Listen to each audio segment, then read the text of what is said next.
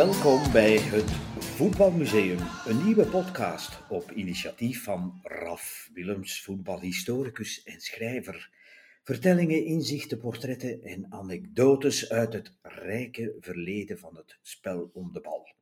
Een eerste serie hangen we op aan de 25 vedetten en ook wel anti-helden van de wereldbekergeschiedenis tussen de Olympische Spelen van Antwerpen 1920, jawel, want dat werd beschouwd als het eerste officieuze wereldbekertoernooi, en de World Cup in Qatar van 2022. Gebaseerd op mijn boek 111 legendarische voetbalhelden sinds 1920.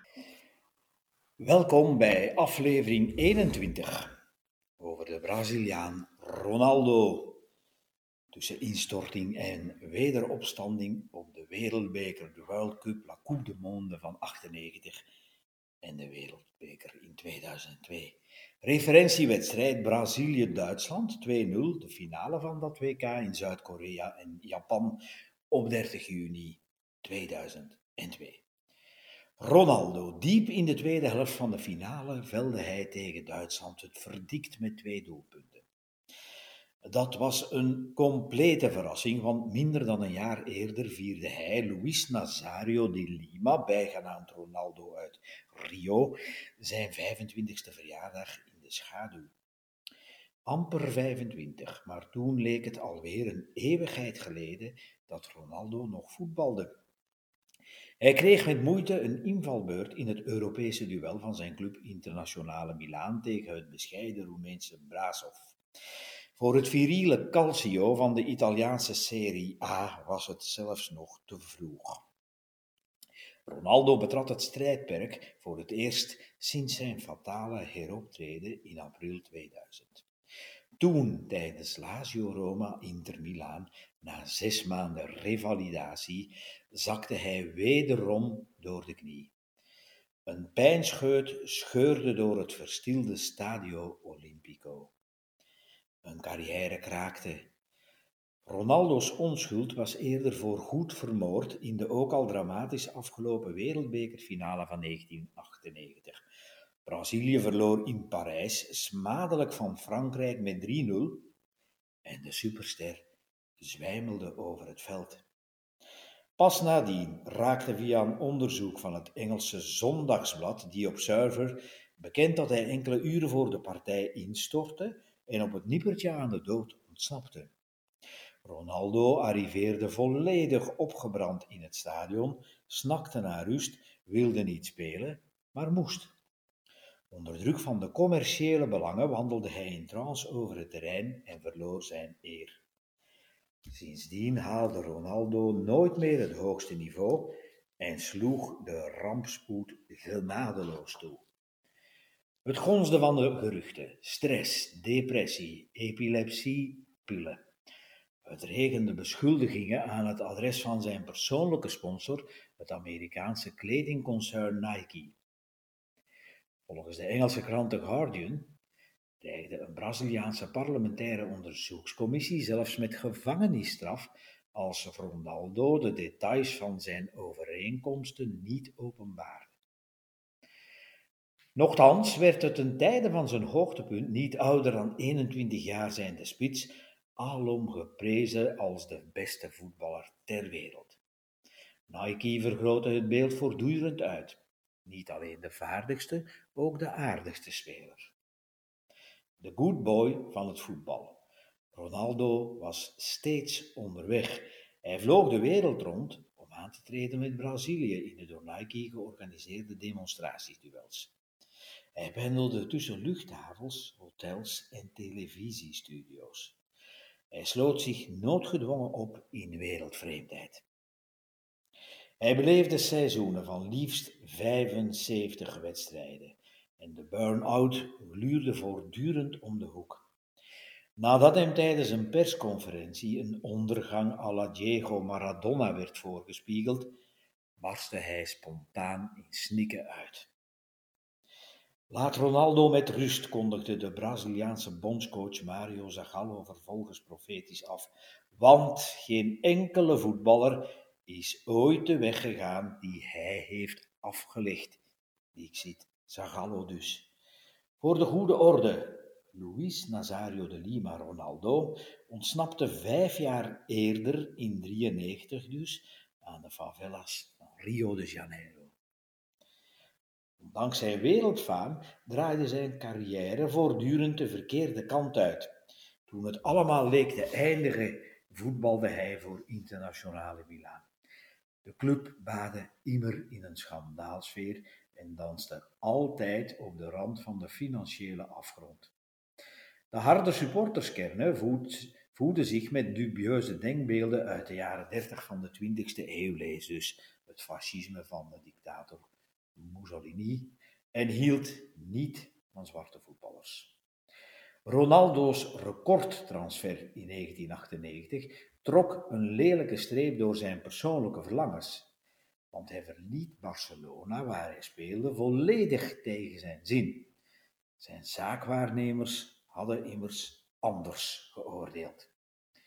Met Barça hoopte hij nogthans op de Spaanse landstitel van 1998 in de lente van 97 schonken zijn doelpunten de Blaugrana de Europa Cup der bekerwinnaars. Hij proefde voor het eerst van het echte voetbalgeluk in de Catalaanse hoofdstad. Dat duurde dus amper één jaar. In de zomer van 96 hadden zijn managers buiten zijn medeweten om de overstap van PSV Eindhoven naar Camp Nou bedisseld. Hij glorieerde slechts ten dele in het Philips Sportpark. Zijn vele goals gingen immers niet gepaard met titels. PSV kreeg het Ajax van Louis van Gaal niet gecounterd. Het had nogthans anders kunnen verlopen, want de Ajaxide op weg naar internationale triomftochten in 95 aasde op de Braziliaanse wonderboy en meldde zich na de Amerikaanse voetbalzomer van 1994 in Rio. Ronaldo hoopte vurig om in Amsterdam de weg te volgen van zijn idool Marco van Basten. Zijn belangenbehartigers dachten er echter anders over. Ze lichten als allerlaatste Ronaldo in van de trip richting Eindhoven in plaats van Amsterdam. Bij de wereldbekeroverwinning van zijn land in de Verenigde Staten 94 beperkte zijn inbreng zich tot het statuut van luxe bankzitter. Hij speelde geen seconde, maar mocht niet en voelde zich gekleineerd. Bondscoach Zagallo, Zagallo liever negeerde hem volledig. Die selecteerde hem pas onder druk van de publieke opinie. Die was in een hoge staat van opwinding geraakt, omdat het 17-jarige voetbalbrein bij Cruzeiro, een vergane glorie uit de grauwe industriestad Belo, Belo Horizonte, Belo Horizonte dus 54 keer in 54 wedstrijden had gescoord. En daarmee beter deed dan de onluikende Pele destijds. Een miraculeuze prestatie. Ze zetten Ronaldo onder hoogspanning. Op die leeftijd worden afgeschilderd als de opvolger van Oré de voetbal. Het is een verraderlijk. De jaren daarvoor diende hij tegen wil en dank troost te zoeken bij zaalvoetbalclub Social Ramos en bij Sao Cristovao, club van en voor de chauffelaars, schraal en armzalig, maar wel met een missie en geleid door mensen met een hart, de kinderen van de straat en de drugshouden, voetbal als vluchtroute uit de ellende. De allerarmste gezinnen werden er opgevangen vanuit het principe dat voetbal hen een eigen Aanvankelijk leek hij slechts een doorsneespeler, houterig, weinig elegant, struikelend. Toch kreeg hij snel de typische Braziliaanse specialiteit onder de knie, de versnelling namelijk met de bal aan de voet. Hij trad op het voorplan als een product van de Carioca-stijl. De voetbalschool van Rio produceert levensgenieters en balkunstenaars. Hij trachtte zijn lot te ontvluchten en droomde van flamenco als zijn favoriete bestemming. De droom spatte uit elkaar. De rood-zwarte trots van het arme volk van Rio de Janeiro wees hem af. Zijn fantasia helde hem uiteindelijk uit de poel van de favela. Hij verdiende fortuinen, maar hij verzeilde desondanks in een uitzichtloos isolement en verstrikte zich in het web van makelaars. Zo leek het althans in de winter van 2001 amper zes maanden dus voor de Wereldbeker van 2002. Zeer onverwacht stond hij daar opnieuw tijdens dat WK in Zuid-Korea en Japan. Met doelpunten in bijna elke match en twee in de finale tegen Duitsland. De twee enige, 2-0 werd het inderdaad. Hij drukte vervolgens eigenhandig zijn transfer door naar Real Madrid en werd verkozen tot wereldvoetballer van het jaar. Bij Real knalde hij zich meteen in de rij van Di Stefano, Puskas, Sanchez, Butragenio en Raúl. De koninklijke kroonde hem tot zijn topschutter en dankzij die doelpunten werd na drie jaar weer eens de Spaanse landstitel gewonnen. En toch bleef de hoon en de twijfel.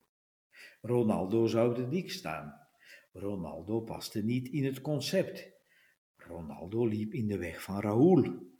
Ronaldo speelde enkel voor zichzelf. De beste en aardigste voetballer van het begin van de 21ste eeuw bleef omstreden. Luis Nazario de Lima, bijgenaamd Ronaldo uit Rio, het kind van de favelas. Ronaldinho, Ronaldo, zie. Keert hij ooit nog terug? Die vraag brandde dus in de winter van 2001 op de lippen van elke voetballer van de pure voetbalkunst. Didi, Garincha, Pele, Romario, Rivaldo. En dan stond hij daar, eindelijk, in de zomer van 2002, met het wereldgoud in handen. Ronaldo. Kampioen met Cruzeiro Belo Horizonte in de deelstaat eh, Mineira, Mineiro liever in 94, beker van Brazilië gewonnen in 93, die van Nederland met PSV Eindhoven in 96 en die van Spanje met FC Barcelona in 97. Toen won hij ook de Europa Cup der bekerwinnaars. De UEFA Cup was de zijne met internationale Milaan in 98. Landskampioen met Real Madrid in 2003-2007, wereldbeker voor clubs in 2002. En met Corinthians Sao Paulo won hij ook de beker van Brazilië in 2009 en het kampioenschap van de staat Sao Paulo in datzelfde jaar. Met de nationale ploeg, de Seleção van Brazilië, kwam hij net niet aan 100 interlands. Hij eindigde op 98, maar wel Copa America of Zuid-Amerikaans kampioenschap, gewonnen in 97 en 99, de Confederations Cup in 97 en het WK in 2002. Finale verloren in 98 dus. Ronaldo werd geboren op 18 september 1976. En dit was aflevering 21.